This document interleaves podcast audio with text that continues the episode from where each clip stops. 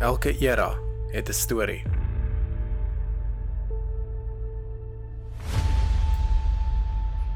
‘n Koning wat ontroon moet word. 'n Uitdager wat honger is vir wen. In 'n geveg wat vir ewig roem sal eis. Laat die vlag dan nog een keer val. Daar was drama.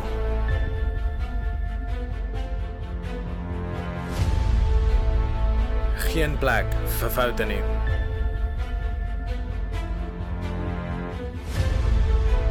Daar was uitklophoue.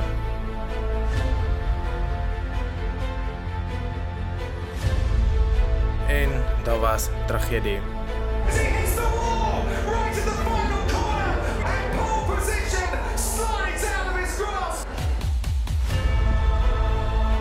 Na 'n jaar van aksie. Sonder ophou of kompromie. Skryf hierdie storie dan homself klaar. Die einde is hier. Luister na alles op agterblad. Nou, toe nou ja, dames en here, welkom by 'n spesiale episode van Agterblad Extra Extra vir een van die mees geskiedkundige naweke in sport. Dit is die laaste ronde van die 2021 Formule 1 seisoen en die twee kampioenskap protagoniste Lewis Hamilton, die verdedigende kampioen op soek na 'n rekord 8ste drywerskampioenskap en Max Verstappen, die man wat daardie wel reeks van kampioenskappe van Lewis wil beëindig op soek na sy heel eerste kampioenskap om homself te vestig as 'n legende van die sport. Dis als op die tafel, gelyk op punte. Wie ook al voor die aanhou eindig, vat die beker huis toe. Dis alles wat ons F1 aanhangers voor kon vra. François, wat sê jy? Ons het nou mooi gehoor in die inleiding vir die bemarkingsvideo mooi het dit een sit, maar net jou gedagtes soos wat ons opbou na hierdie naweek. Kyk, ons daar's twee ehm um, kom ons sê opmerkings wat ek eers sou wil maak. Die eerste ene is dat jy 'n baie diplomatisiese approach het tot ehm um, hierdie clash as jy praat van die twee protagoniste. Ek dink ehm um, ek sien op sosiale media is daar definitief maar rolle toegewys aan uh, albei van hulle gelyk wat sê hulle is protagoniste en antagoniste. So uh, Ja, dis maar dis 'n 'n goeie tyd vir Formule 1 en 'n slegte tyd om een van daai twee te wees, dink ek. Maar die tweede ding is ehm um, ek weet eintlik nie wat die punt was van hierdie hele seisoen nie om dood eerlik te wees, want uh, ons het opgeëindig presies waar ons begin het met wie ook al die races wen wen nou maar die seisoen. Ek moet nou hartpille drink. Ehm um, ongelukkig as gevolg van hierdie seisoen uh, by dokter het net gesê luister hierso chom bloeddruk deur die dak en vir wat? Vir wat? Ek kon nou iewers op die strand gelê het rustig gewees het goeie gesondheid gehad het maar nee Louis en Max het besluit om dit uit te rek tot die bly einde toe. Ja kyk ek dink ehm um, ja ons skryf dan natuurlik maar ek dink dit sê jy's the justice doen om te sê die pad wat ons hiernatoe gekom het is een wat enigiemand verwag het nie ek en jy het nou 'n bietjie voor ons die potgooi begin opneem en net bietjie deur die seisoen gaan flits in die hoogtepunte gekyk net om ons geheue te verfris. Want om te dink hulle ry al van die 26ste Maart af. Amper 'n leeftyd gelede wat hierdie ding begin het.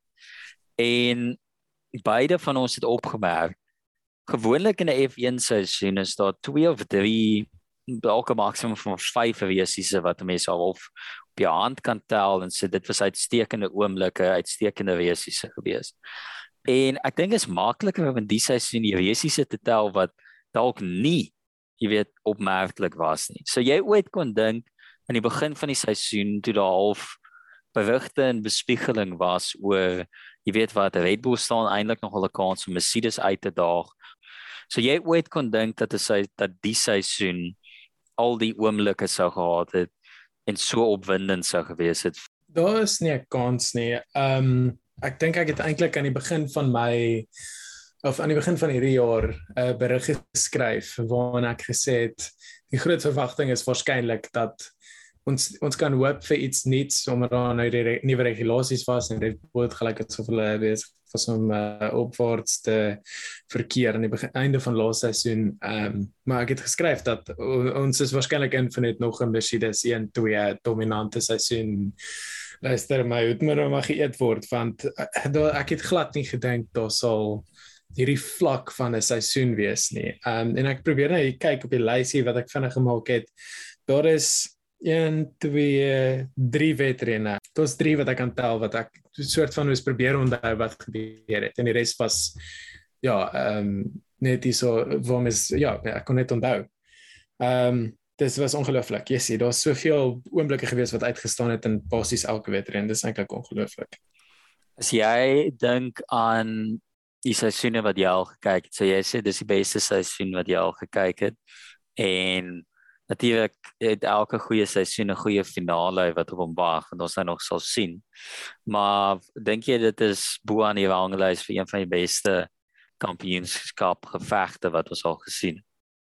Ja, ek yes, ek probeer nou ek probeer nou mooi Al al wat na my kop toe kom, die laaste seisoen wat soos dit was was 2012 tussen Sebastian Ja. Vettel en Alonso.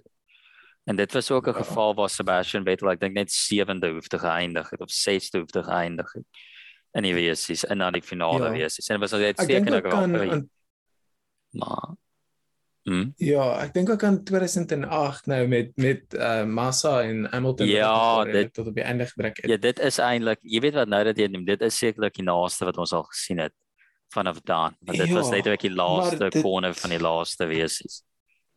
Ja, maar dit was ook nie so groot 'n marge gewees nie. Ek het nou op Instagram gekyk. Daar was nog net 4 uh kom ons sê kampioenskappe in die geskiedenis van Formula 1 wat al so naby was, waarvan 2 met 'n 0 punte deficit was, so absoluut gelyk en um 2 was 1 punt gewees. En ek dink dit dit, wys vir jou ek, ek, selfs met 2012 se kampioenskap waar ek dink daar was 5 drywers wat uh, wiskundig nog die titel kon wen. Almal het eintlik maar gedink Ek dink dit is Uh, 2010 Vettel die- ja. 20 titel gaan vat of uh, 2010 jammer. Yes. Ehm um, 2012 dieselfde almal net soort van maar geweet die die Red Bull is 'n blerrie goeie kar, maar hierdie jaar uh, ek ek kan nie vir jou sê wat gaan gebeur nie en ek dink dit is iets wat 'n uh, kenmerkend is van 'n ongelooflike seisoen. Ek dink hierdie gaan uitstaan as seker my gunsteling seisoen in al die tyd wat ek al Formula 1 gekyk het. Ek dink die verskil tussen hierdie seisoen en daai seisoen, hy tot by in die in die Massa Loos seisoen.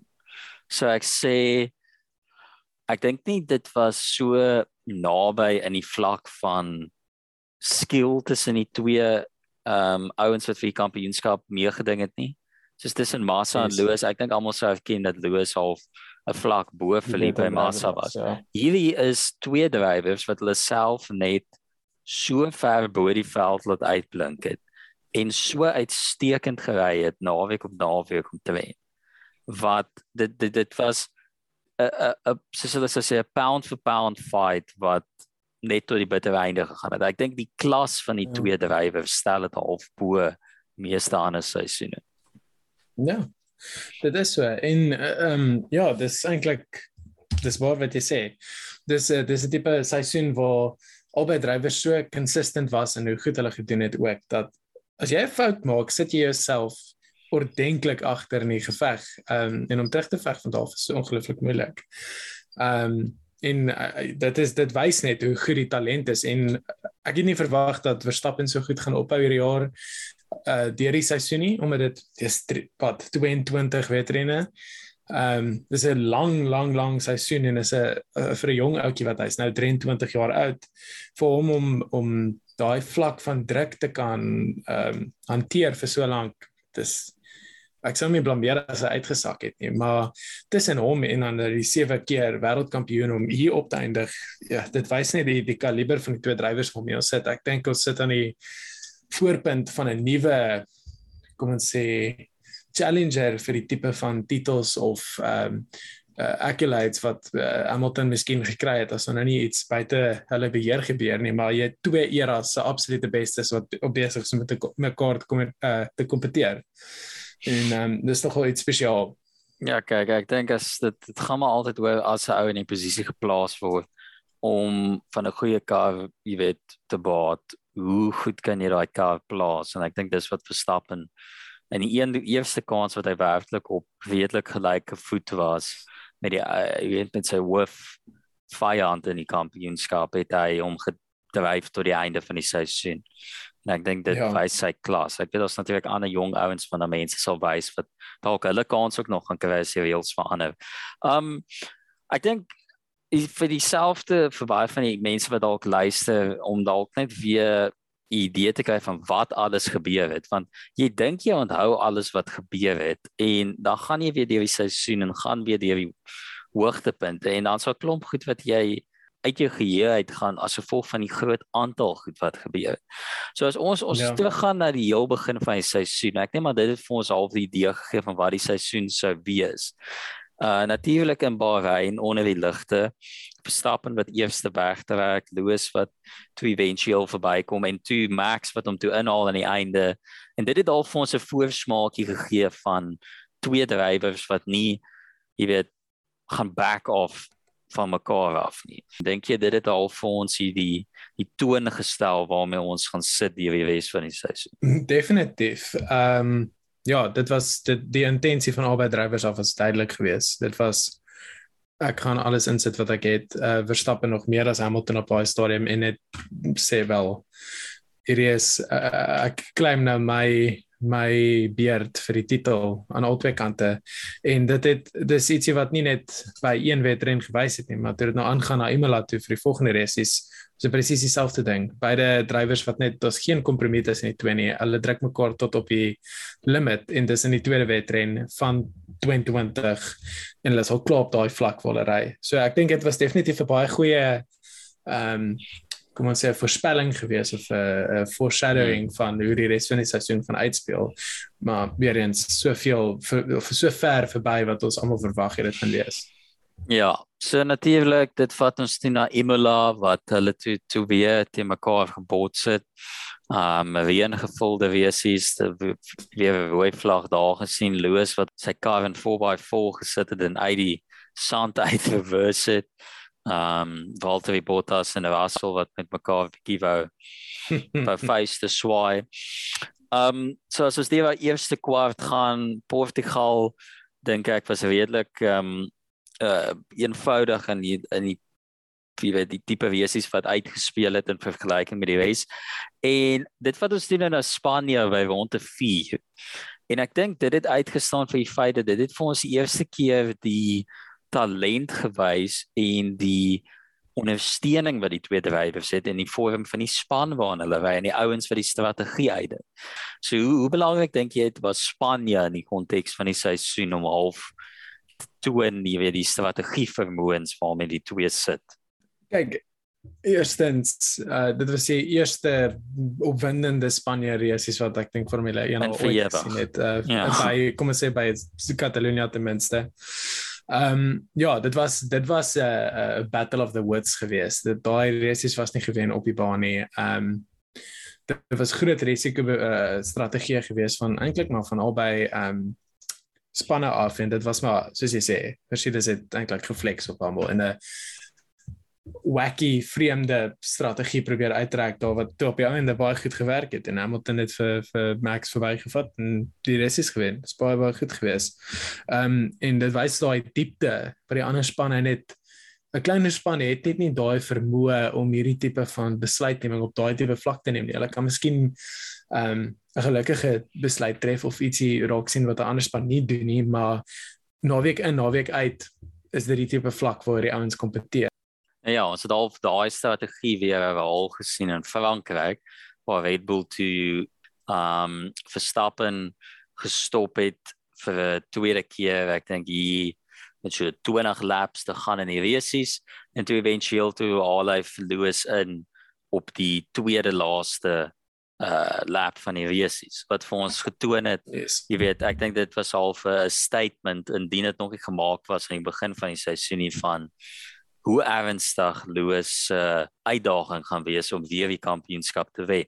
Nou tussenin daai twee het ons ek ons het 'n Monaco Grand Prix gehad wat redelik ehm um, vereenvoudig was waar ek dink hulle nou nog probeer Valtteri Bottas se wiel afval. Maar Azerbaijan sal dalk uitstaan as 'n resies wat as ons nou die loop van hierdie uh preview gaan gesels oor jy weet die redes wat ons gebring het tot by die laaste resies waar hulle gelyk het sal Azerbaijan uitstaan as een van die halfie swaai resies want dit was 'n Yes. kans waar beide drywers sal terugkyk na groot punte wat verlore was. So hoe onthou jy die Azerbaijan Grand Prix en hoe groot 'n rol dink jy dit gespeel in ons bring tot waar ons nou is? Dis 'n baie goeie vraag. Ek dink eerste van alles uh, uh, die ding wat alles afgeskop het was eintlik maar Verstappen se agterste band wat teen 300 en hoeveel kilometer per uur net besluit het om te sê tada. Uh, ek is nou nie meer lus vir hierdie nonsens nie. Ehm um, bye. en op 'n manier het sy kar net die regte kant toe geswaai. En die muur vas klim uit, skop sy kar soos wat uh ja, Messi sou trots wees. Ehm um, en ja, dit het nou natuurlik al die ander res van die gemors ehm um, net afgeskop want Verstappen was ek dink hy was voor gewees op Aston Ja, tweede. yes, of hy was dit. jou, hy Ja, was jou voor. wat voor, ja. Hy was ver voor gewees. Mm, En dit was dit was die ehm, resies indien jy nog 'n rede wil hê om nie van Paul de Wester te hou nie. Dit was die resies waar Paul de Wester ek nog nooit iemand gesien die commentators curve so erg toon soos Paul de Wester en hy resies nie. Want hy het letterlik gesê soos wat Max by die stryd begin het dat ja, dis een van Verstappen se top resies se ek dink dit was so 4, 5 laps oor en hy so pad om die resies te wen. Jy weet indien iets nie verkeerd gaan nie en net toe hy dit sê boom ontplof sy tyre in die muur vas. So dit bring toe nou die rooi vlag uit en Lewis is toe nou #blessed het ons gedink om toe eerste weg te trek met 3 laps oor. En dit bring ons toe Ja. natuurlik na die magic knoppie en almal se ontmoeting daarmee. Ja. Uh dit het wel vir my nog rede gegee om nie van Paul Dres te hou nie en ek is nie eers 'n Max fan nie, maar dit gesê ek uh soek ook enige rede om nie van Paul Dres te hou nie. So uh um, ja, dit gebeur die, die magic button ding vir die wat nie weet wat gebeur het nie en daar's 'n 'n setting op um Mercedes se Formula 1 s- kar se stuurwiel knoppietjie wat jy druk wat ehm um, jy kan jou balans van jou brekke skuif. So jy kan meer brek op jou voorwiel of op jou agterwiel ehm wiele afhangende van waar jy is op die baan, watter draai jy gebruik en so aan om nou jou kar bietjie vinniger radiaat te maak en om die bande warm te maak. Nou hierdie magic knoppie skuif dit baie ver vorentoe om presies te wees 75% van die brekkrag lê op die voorste bande. Maak dit lekker warm, so dit beteken dat as jy moet breek, dan breek jy. En wat Hamilton toe op een of ander manier reg gekry het, is om daai knoppie aan te los. So toe hy teen volspoed reg het op die muur afry daar na die wegspring, toe besluit sy kar tot hier toe en net verder reguit aan amper in die muur in.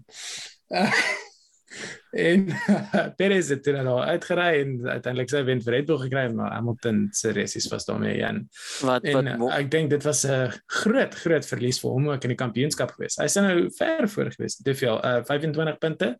mm, Ehm um, Ja, so dis 'n groot punt te swaai. Nou as ons na die volgende jy weet uitblink oomblik gaan. As ons sê dat Bahrein was half die voorsmaakie van dat dit 'n uitdaging gaan wees en dat jy weet half 'n fisiese uh dryfstyl gaan wees, ons sê maar so, uh die die loop van die seisoen.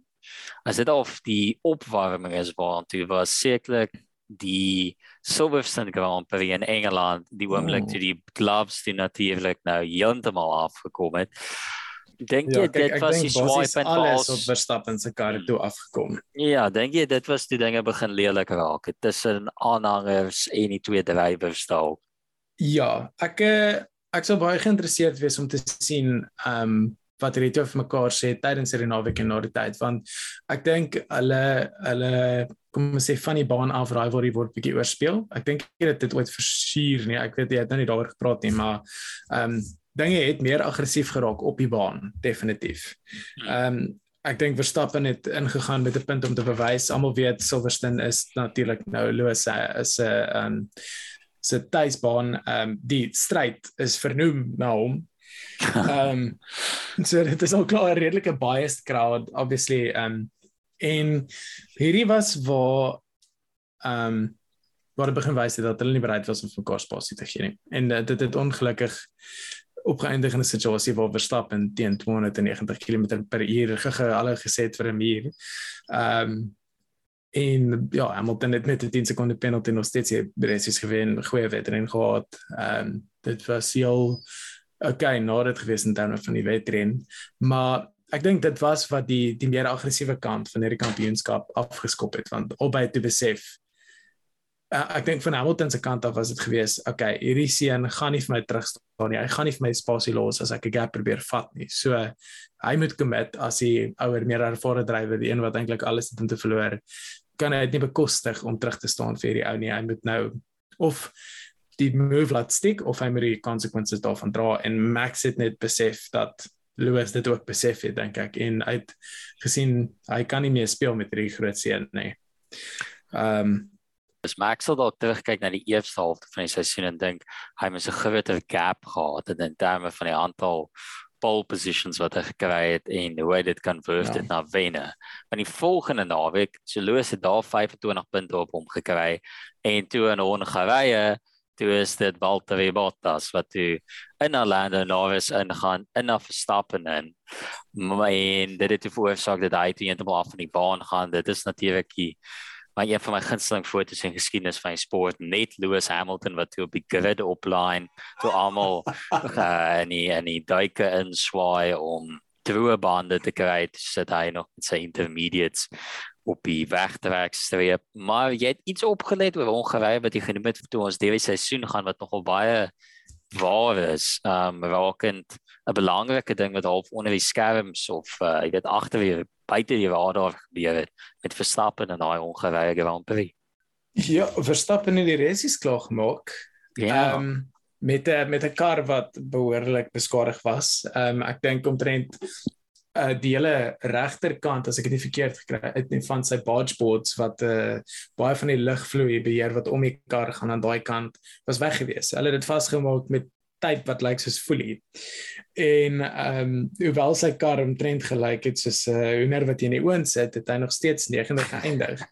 Ehm uh, wat uh, vir hom twee punte gekry het. Uh twee punte wat hy eintlik met enige ander drywer met enige ander resies sou dit waarskynlik so opeindig dat Verstappen retire want ek bedoel sy kar is in sy boere en hy is nie kompeterend nie. Ehm um, en tog op die einde van die dag het hy ehm um, daai twee punte gekry wat gelei het tot die feit dat hulle weer eens presies gelyk is op punte vandag. Loos kon twee punte daar gehad het. Ehm um, so, dit is klein klein gebeurtenisse wat groot impak later aan maak. Presies. Um, en nou dis dieselfde as uh, die kompetisie vir vinnigste lap. Ehm um, dink aan al die vaste laps wat hulle tussen hulle twee of gedeel het wat gelei het tot hierdie. Daai klein punte maak 'n baie groot verskil op die einde van die dag. Ja. So nou Hongarye, ons gaan toe na België wat gekanselleer is natuurlik. 'n Nederlandse Grand Prix yes. wat Verstappen heel wat gedomeineer het. En toe nou na Italië wat ek nou sal terugkom na, maar ek wil dit eintlik half insit hier teen die einde van die um seisoen yes. terme van botsings. Um en toe na Rusland 'n uh, Mal Grand Prix wat weer eens getoon het die vreemdste goed wat kan gebeur en hoe half dinge vir jou kan oopgaan. Waar ons kan sê Max baie ongelukkig was in Hongarye. Kan mens weer sê dat die geluk op hom neergeskyn het in Rusland. Want dit was natuurlik die Grand Prix van Lando Norris gelyk het asof hy sy eerste wen gaan kry. Gaan dreen en hy besluit om nie in te gaan vir intermediates nie. Lewis gaan toe teen sy eie wil in vir dit. En toe is dit basies soos mense wat vir die eerste keer leer hoe om te ice skate soos vir die karre daar rond ploeg en slide en uit die baan uit vlieg en Max het toe van Austin na tweede gegaan in die spasie van die laaste 3 laps. So ja, ek dink mense wat terugkyk na Rusland is nog so rond te wat natuurlik baie naby baie baie gelukkig was in terme van hoe dit jy weet ons gebring het tot die um Turkye ja. was redelik eenvoudig En die FSA dink ek was 'n groot wen vir die kampioenskap swaai in terme van 'n baan waar Lewis uh altyd goed doen. Uh Verstappen het toe of Lewis het toe later gepit. Dit was amper 'n uh jy weet 'n repeat van Spanje en van Frankryk en die kon hy hom inhaal in die einde nie. Hy het hom toe terug. En dit was 'n weesies van Mick Schumacher natuurlik vir Verstappen DRS gegee het op die laaste lap. So gevolg van hom probeer onder die blou vlak verbyvaar. So dit wys jy dat die manne Ja. buite die twee buite die twee ook 'n rol speel en bepaal hoe hulle seisoen, jy weet, uitgeloop. Ja, ek dit is seker 'n groot tyd om te noem dat ek dink uh Mick Schumacher se uh, 'n uh, poging um tot hierdie jaar se seisoen was meer suksesvol as 'n spanmaat vir Verstappen as wat Verstappen se spanmaat se poging was. Ja, kyk, So, ek Ehm um, ek weet nie uh, uh, er is miskien nou 'n bietjie te laat, maar ek sê seker sien honder en dan moet maak met maar kyk om hom miskien in daai tweede blou kaart te gooi. Ja, maar hy weet hoe om op sy kar op die regte plek of in die regte muur te sit op die regte tyd om uh om dinge bietjie op te spice. Mexico was toe redelik uh, reguit. En dan ek wil dit nou saam met die sit, ehm um, en toe Qatar in die 20ste ronde uh twee naweke of ja drie naweke terug uh Yes. maar was ook redelik stryd forward met Max wat van 7de toe tot 2de kom. Ek dink Hamilton het daai race redelik maklik gewen. Okay, so dan as ons dit sit met Italië, Brazil en Saudi-Arabië, dit sou onthou word vir wel verskillende insidente maar onder dieselfde umbrella van chaos. Um wat ons gebring het en dalk 'n duidelike idee gee van die mindset wat die drywers het in hy laaste naweek. So natuurlik Italië het hulle bo op mekaar geëindig. Ehm um, ek dink baie mense sê dit was sekerlik frustrasie van Verstappen se gevolg van 'n stadige stop wat toe hom en Lewis half op dieselfde tyd by dieselfde draai gebring het na Lewis se stop. Brazil Max wat vir Lewis hard verdedig het om buite omgedryf het. Baie mense was kwaad oor die feit dat hy nie 'n penalty daar gekry het nie en dan nou wat ook al daai chaos was van laas naweek wat ons bespreek het op die pot gooi Sondag. Hoe dink jy het daai drie resiese en hulle verskillende insidente beïnvloed hoe die drywers mekaar aanpak? Dink jy dit het net nog olie op die vuur gegooi? Ek dink ja, ek dink jy's 100% reg. Dit is definitief nog olie op die vuur. Um, ek uh, kan wel sê en dit is dalk meer van 'n subjektiewe opinie, maar in al drie hierdie insidente wat ons noem, as daar ehm um, kom ons sê iemand is wat ehm um, culpable was in hierdie insidente, is daar redelike goue uh korentjie wat loop deur hierdie stories. Ehm um, en hulle is almal eintlik nie goud nie, maar oranje.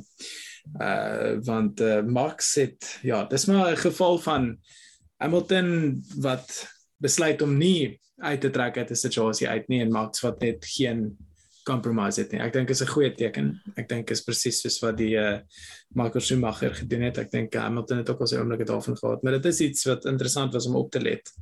Dis of dis uh die kom ons sê die die die jong laat wat besig is om sy stempel te probeer afdruk, probeer letterlik sy stempel op Hamilton se kop afdruk, uh soos in Monza gebeur het. Ehm um, maar ja, ek dink dit was maar net 'n geval van uh petrol op die vuur gooi. Ehm um, en dit, dit, dit maak dit soveel meer opwindend om te dink aan hierdie resies wat op pad is. Ehm um, waar albei bossies die kampioenskap het om te verloor. Ehm um, want nie, ek dink nie een van hulle gaan terughou om hierdie te wen nie. Ja, kyk ek dink dis as vir die wat die Michael Schumacher dokumentêr op Netflix gekyk het of daai tyd so seisoene wat ek dink was baie selfde as die incident wat Schumacher daai tyd as 'n jonger by Benetton met Senna gehad het en Senna wat hom al gekonfronteer het daaroor om te vra, jy weet, wie dink jy is jy? En het Schumacher nie half Yes. geback down op dit. Dit was half hoe hy homself aangekondig het na die race van die ouens, so die ouens. Ek is nogal Ja. hier om te wen. Ek speel weer self die speletjies.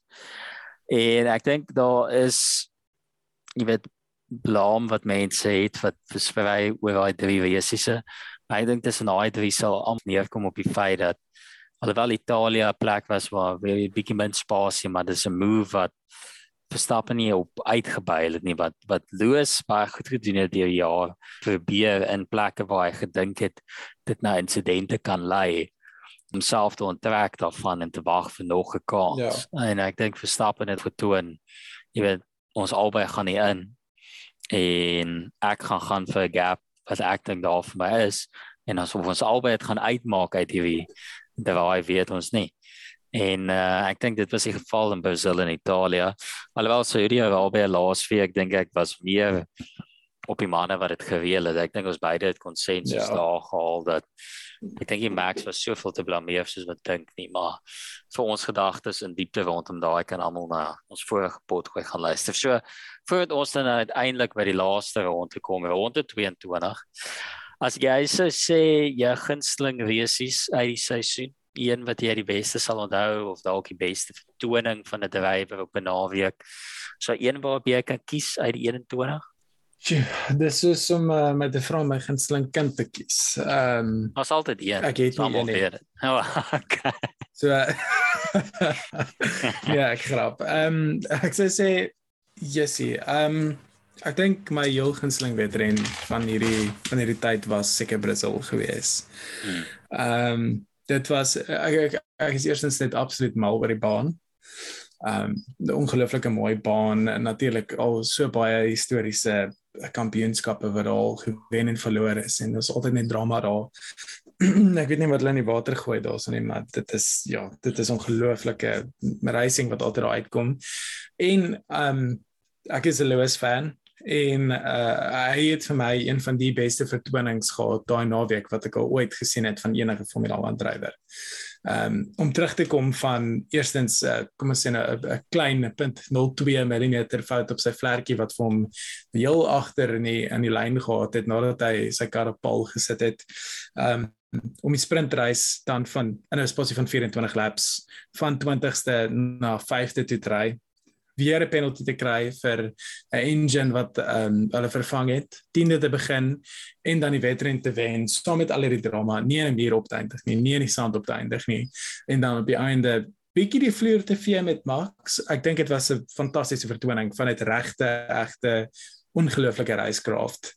Ehm um, So dit was my seker die ene wat die meeste uitgestaan het kort dan gevolg deur uh Spa waar ons die mees intens twee laps van ons lewens gehad het. Okay, jy Um, en. Nikita Mazepin die goat van Formula 1 ehm um, sy die vinnigste lap geskry het. So O ja. Ah ja ja, kyk jy vat al my broer, my moeder, ek was ook op pad om Spa te kies. Um, nee, kyk, ek dink as ek net terugdink, ehm um, ek dink Brazil is beslis daar maar aangesien jy hom nou reeds geneem het, ek nou maar gaan kies ondanks die een was die FSA Grand Prix want ek dink bloot net jy weet ek dit voel vir my dit was ook 'n vertoning waar beide ouens net 100% um Ja, ja, vertoon het ja. wat hulle wat hulle vlak van skill is en die strategie tussen die spanne heen en weer en daai laaste 10 laps vir Lewis om probeer inhaal Max wat hom agterhou. Ek dink dit was net uitstekende uitstekende edge of UFC thriller uh materiaal. Maar soos jy sê daar's baie om van Yes. te kies. Ek dink buite daai sou ek gaan vir Rusland met ander kantenders Frankryk of dan natuurlik Brazil. Brazil was ook ja, een van die topnommers vir die hele naweek. ek Nou ja. Hmm. ek sou Hongarye ook al ingooi net vir die Vir die chaos. fantastiese fantastiese uh, wel die chaos natuurlik en en Fernando Alonso wat vir Hamilton so lank agter hom Wow. gehou het in 'n kar wat regtig uh, dis is om 'n Fiat Punto teen 'n Ferrari te sit. Dis nie regtig kompeterend nie. Ehm um, maar dit was 'n ongelooflike showing gewees van spanwerk. Eintlik net 'n span wat probeer beskerm het om hy wen te kry. Dit was nogal interessant. En dan natuurlik ook om verloos te shaft omdat hy nog steeds haat na al hierdie jare. Nou ja, dit bring ons nou na hierdie hele lang stappie deur die seisoen bring ons dan natuurlik na ronde 22. En soos jy gesê het, al die Grand Prix het ons gebring reg waar ons begin.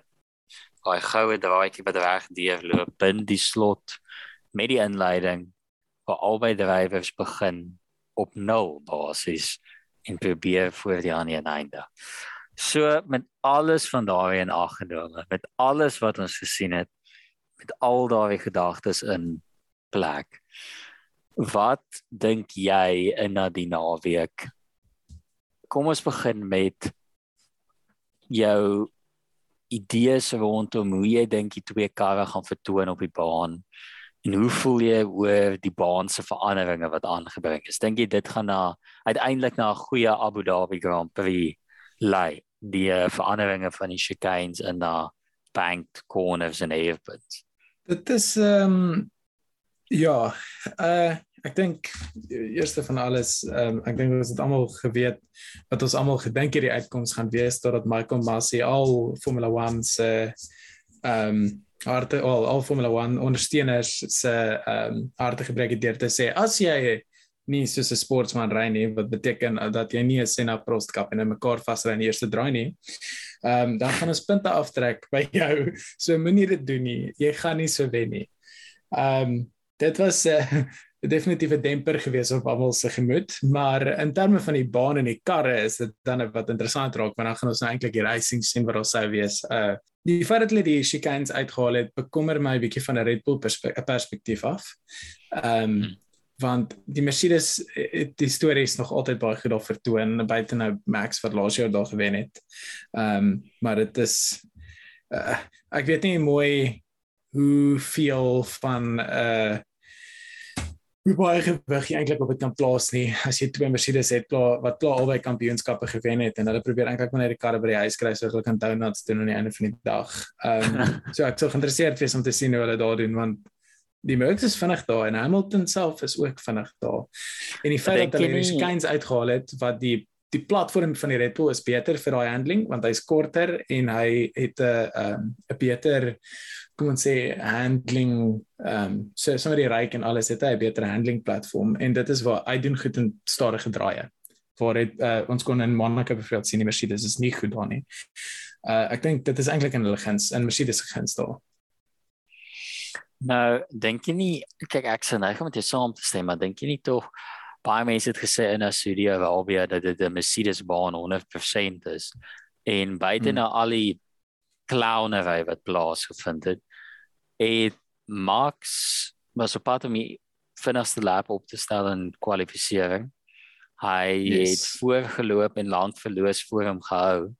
En as dit was mm. vir dalk 'n strategiefout op die mediums kan ons dalk sê of die VSC's wat half met Kimmy wat hom opgehou het, het hy dalk ge, gekyk na wen of beslis 'n 'n naby einde ja. tussen hom en Lewis.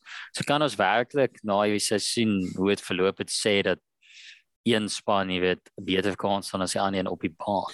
Dink jy dink jy dit gaan naby wees? Glad nie. Ek is te bang om enige verdere voorspellings te maak. Um, ek hmm. dink so. Ek dink dit gaan 1 2 Max Lewis wees en ek weet nie watter een gaan wat vat nie.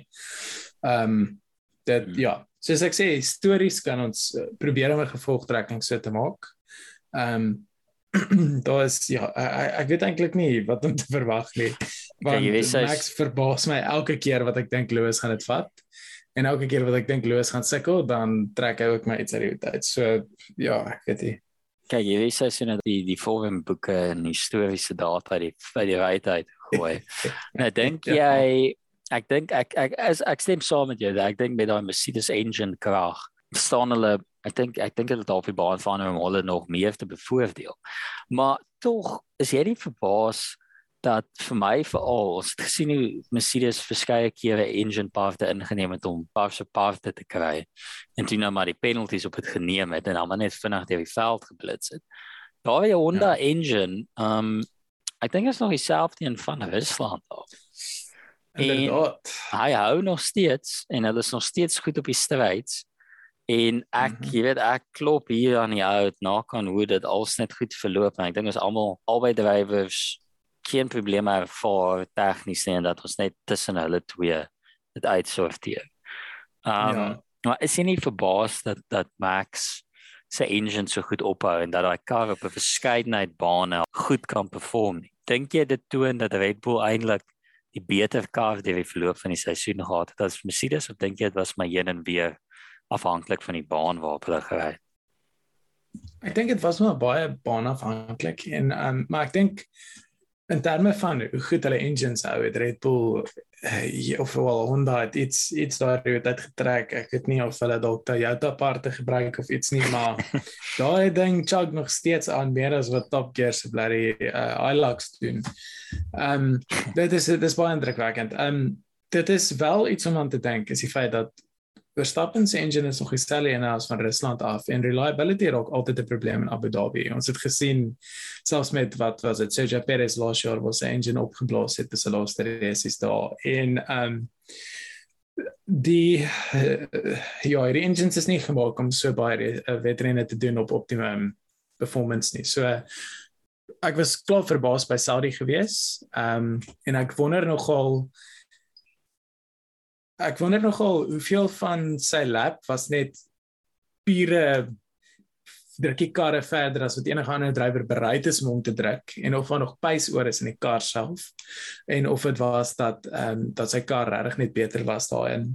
Ehm um, Maar ja, dit is dis iets om te oorweeg nê. Nee. Um, ek bedoel ons weet ons rocket ship agter die Mercedes. Ons weet hy is vinnig. Hy het amper 'n sekonde 'n lap opgemaak op die op die vinniger dele van Saudi en dan uh, in die dirty air het hy weer gesukkel agter ehm um, Verstappen.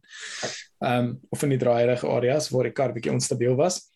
Nee, maar wys dit wys net dat beide spanne het hulle dit is so heen en weer soos 'n toutrek wedstryd. Punte, ja. Een een het 'n sterk punt die en dan vat die ander een weer van dit af weg en dit doen dit dit, dit dis die rede hoekom dit so naby is van albei jy weet doen goed op alwees waar die ander een weer sleg doen en dit dit veroorsaak dat hulle so naby aan mekaar. Presies, ja. Ehm um, so ja, ek ek weet eintlik nie wat om uh, hoe dit kan gaan nie. Ek dink dit neig meer na Mercedes se styl van baan en styl van waar hulle kar goed is.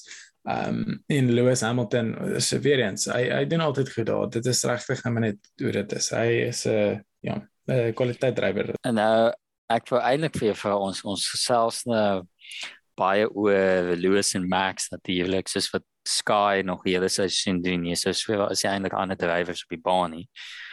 Maar wat se rol dink jy het die twee spanmaats om te vervul in na die ander een die kampioenskap kry? Maar ek dink ons het ons het na Sondag se Grand Prix in die agterblad episode gesê dat die uh span kampioenskap klaar geseël is. Ons kan sê dit gaan na Mercedes.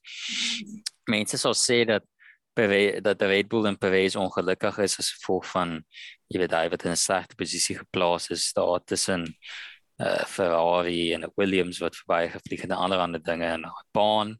Maar ja. ek dink realisties gewys kom dit neer op Perez se swak vertoninge in qualifying die jaar wat hom gekos het en hy wat half al die posisies moet opmaak op Sondag in plaas van om goed te kwalifiseer. Nou hy kan nie regtig dit bekostig ja. Sondag nie want die laaste ding wat Max nog op sy bord nodig het is jy weet twee Mercedes rondom hom wat kan beïnvloed hoe hy sy strategie moet speel. So hoe belangrik dink jy is dit toe be 'n spanmaats in bepaal wie met die kampioenskap gaan wegloop? Dit is 'n baie goeie vraag wat jy vra. Ehm um, dit hang baie af wat wat ons al baie keer gesien het in hierdie ehm um, in hierdie seisoen is vir Hamilton en Verstappen net so ver voor die ander weghardloop dat hulle hulle het nie eintlik 'n effek wat hulle kan speel of 'n rol wat hulle kan speel in die strategie in terme van beskerm uh die een drywer teen 'n ander kat of beskerm die een drywer uh, hou hom bietjie terug en so aan. Daar's 'n paar amplike omstandighede of amper omstandighede gewees waar Bottas dit kon doen, maar ek dink okay, hy wil regtig nie. Ehm um, want uh, het, ek kan nie dink dat iemand so blerry swak kan defend teen Max Verstappen dat uh, hy kom bous in die vlaggie gewaai wat gesê kom verby asseblief. Ehm um, So ek weet nie ehm um, ek weet nie of hulle regtig so groot rol kan speel nie, maar as uh, as Bottas besluit, okay, kom ons speel die span game, dink ek hy staan groter kans om 'n invloed te hê op as Perez, bloot oor die feit dat hy goed is in qualifying. So dit hmm. kan as die kar goed genoeg is 'n 1-2 wees vir Mercedes en as Bottas per enige flippen uh wat mense dit uh wonderwerk besluit uh om weg te trek in sy kar ook as hulle aktief met lyn afkom en nie net te wag tot almal verby is en dan te sê o, nou gaan ek sukkel om deur hulle almal terug te ry nie. As hy dit kan regkry om 'n goeie wegsprong ook te hê, dink ek hy kan die lewe moeilik maak vir Verstappen. Kyk, um, dis die overtaking is nie so intensief daarso op Abu Dhabi nie. Ja, kyk, wat is nou op die op die ou uitleg, hopelik. Op die ou jy weet. Abu Dhabi ten minste ja. maar ek het so gevoel dit gaan maar baie van dieselfde wees. Nou, also ooit die rede Ja. is vir Red Bull om hy kontrak aan Perez te gebied het, is dit nou die naweek om dit terug te betaal. Want ek dink hulle Mhm. sal self al gesê het oor die jy weet, jy, ek sou sê hulle sou sê sy seisoen is effens te leefstyl. Ek dink hy het meer vorm opgetel as die seisoen aangegaan het, maar ek dink hulle sal self sê dat dit effens te leefstylend was en en met die Yes. verwagtinge waarmee hy ingekom. Soos hy half, Ja. jy weet, sy hoe jy weet hoe dit in die kring kan gooi. En sê maar wa- wat gebeur as een van hulle twee eerste kwalifiseer Saterdag? So dit nou nie nogal 'n jy weet half soos hulle so aan onder die henne ingooi. Dit sou nogal dinge Ja, ek dink dit bietjie sommer net bepaal wie eers die posisie teruggee aan die ander drywer. Eerlikwaar. Wel dan dan hy sal die ding is jy sou ook natuurlik maar dit skep ook 'n dinamika wanneer jy doen hoe jy wegtrek, hoe jy die ander mense verdedig. Ek het so Mhm. gevoel snaaks genoeg iets gaan neerkom dalk op hulle op een van hulle twee om dalk 'n rol te speel. Dit sal nogal fitting wees vir een van die second drivers om 'n rol te speel, 'n aktiewe rol te speel in wie die kampioenskap vat. Um Ja, kyk sien dit dat Bottas nou uh klaar derde plek uh wiskundig gewen het. Kan hy net sowel nou net 'n vinnige linksdraadjie vat en Nee, ja, van ja, af kom ons So, nee, nee, nee, nee. Kom ons nee, nee, dit nie. Okay, kom ons kom ons kom ons raak nou maar net aan. Ek ek weet almal bespiegel dat ja, as albei van hulle uitgaan, Lewis en Max wen Max die kampioenskap op die feit dat hy meer wen het. Dink jy regtig? Ek weet hulle het vandag beantwoord te sê Max, jy weet wat hy dink nie aan sulke tipe goed nie. Hy dink net daaraan wat ook al vir hom in plek gaan sit om die beste jy weet te vertoon op 'n naweek. Hy dink nie aan sulke. Dink jy Ja. regtig daar's 'n kans dat so iets gaan gebeur die naweek? Ja, Ek wel mm, mens moet nie altyd glo wat Max sê nie of hopelik nie want hy het ook gesê hy gaan al die joernaliste wat hom vra daaroor in die parking lot uithaal soos wat hy verloos na uit on die race. Hallo. So 'n bietjie uh voorstelling net- is net uh, Maar net 'n realisties nee. Ja. Maar ek dink met die waarskuwing wat hulle uitgestuur het sekerlik ook. Ek ek Ja. surely nie. Ja. Jy ja. weet En uh, die supermarkingsgame ook nee, dink al aan dit, jy wen niks deur die ander ou van die baan af te ry nie. Dis nie meer soos in soos in die ou dae waar dit ek wil sê aanvaarbaar was, maar waar mense bietjie respek afgehad het nie. Die tipe van fanbase wat Formula 1 nou het, dit's nie plek vir sulke tipe uh, ry nie. Jy, jy eindig jou carrière net daar as jy dit doen.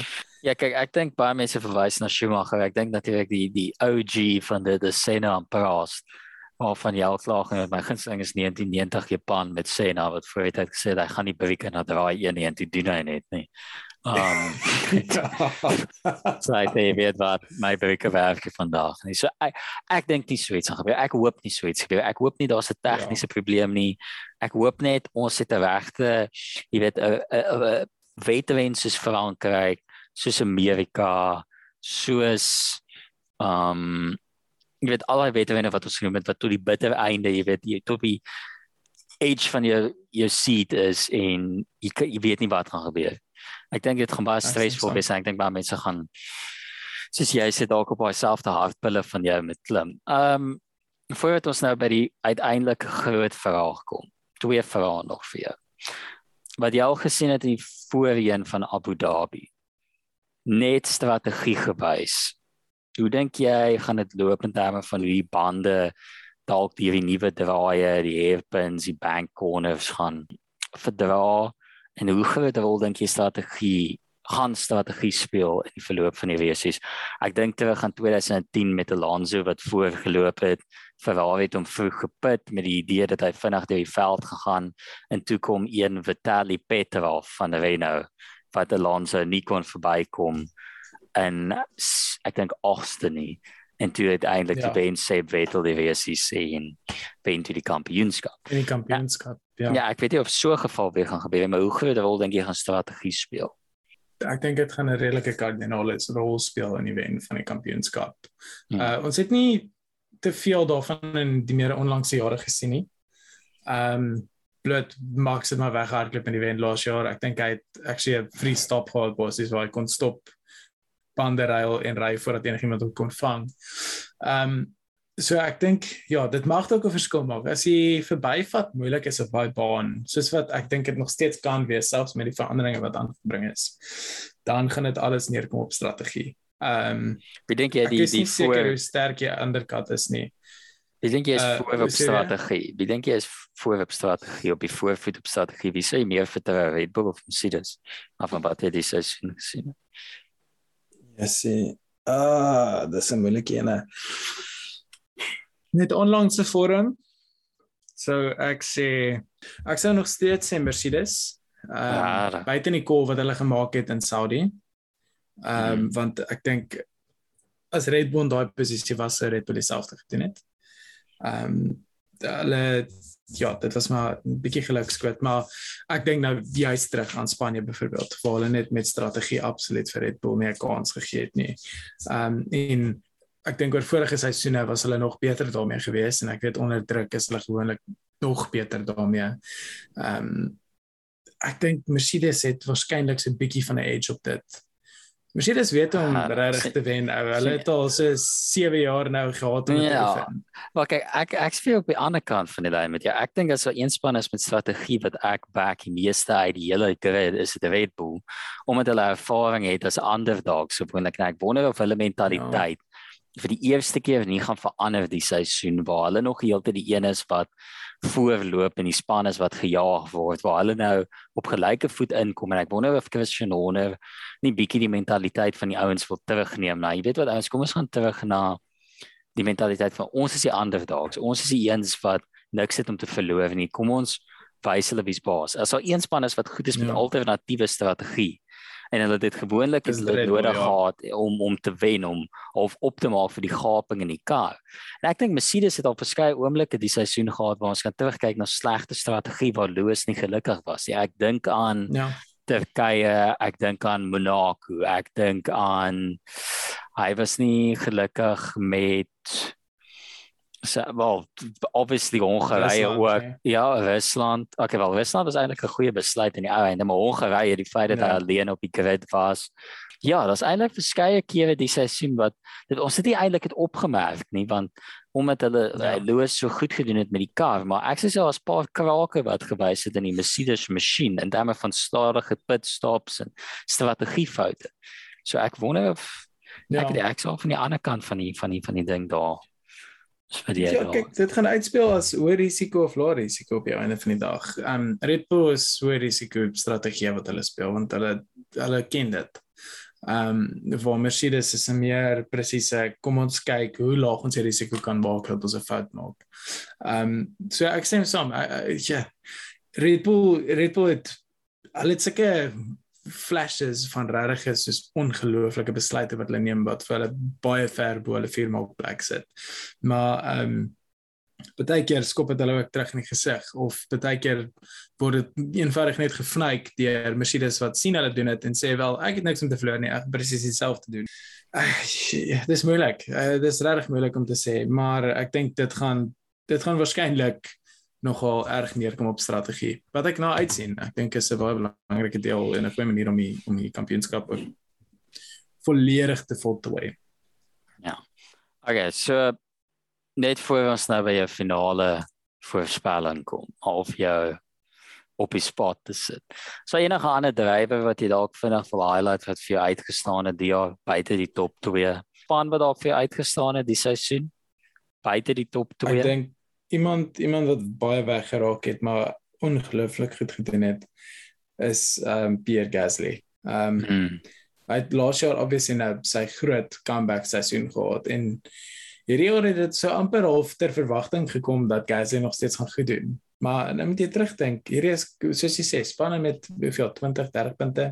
Hierdie ou was vierde plek qualifying, hoeveel keer? 6 keer dink ek of 7 keer gewees.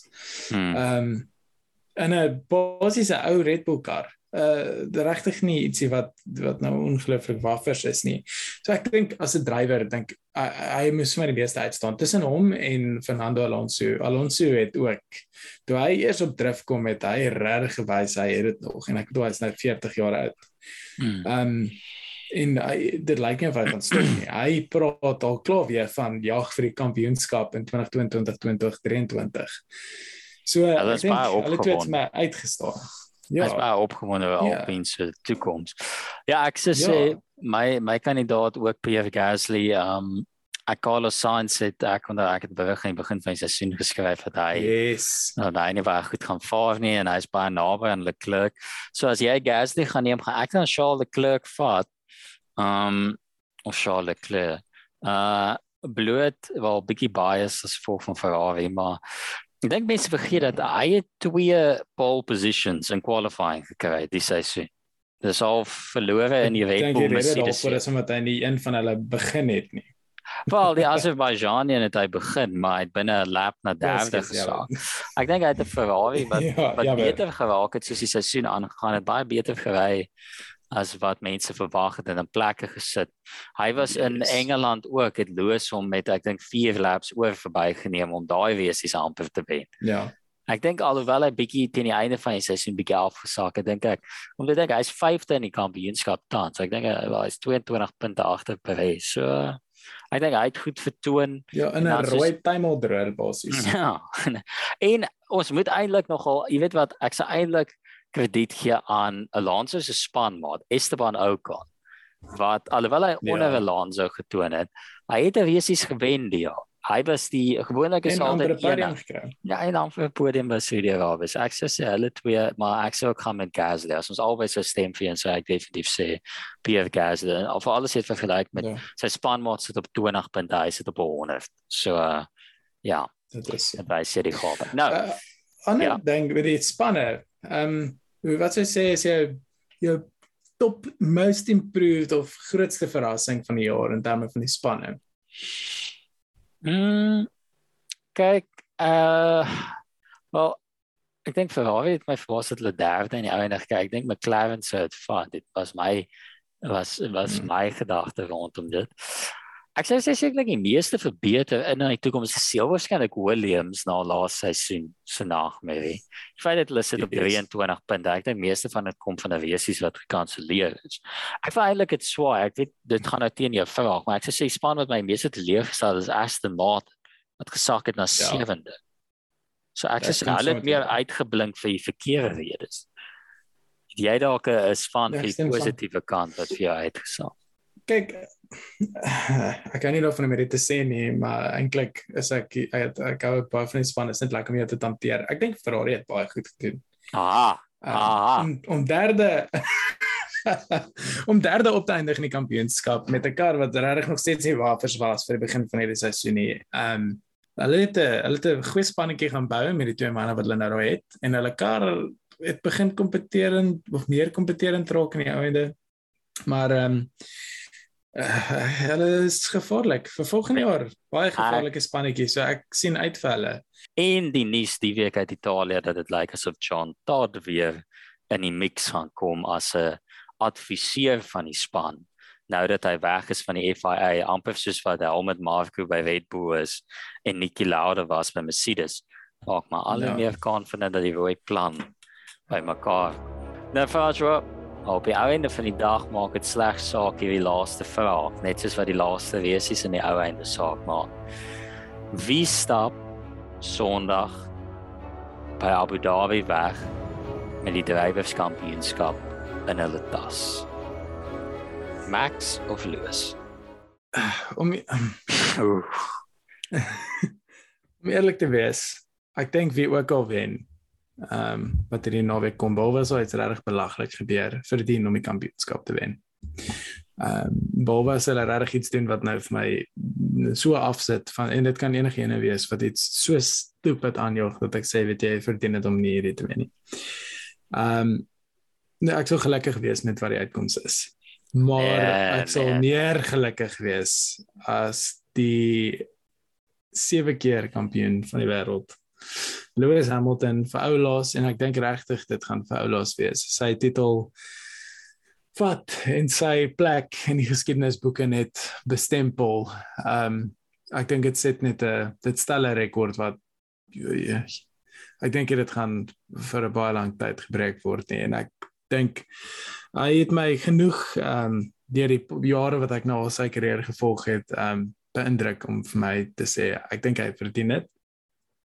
Of ek dink hy kan dit kry en ek dink as my uh, kom ons sê my vermoede reg is oor die baan en oor die kar op daai baan met die engine wat hy het en Max se engine wat so 'n bietjie ouer is, dink ek hy gaan dit dalk net net vat by Verstappen.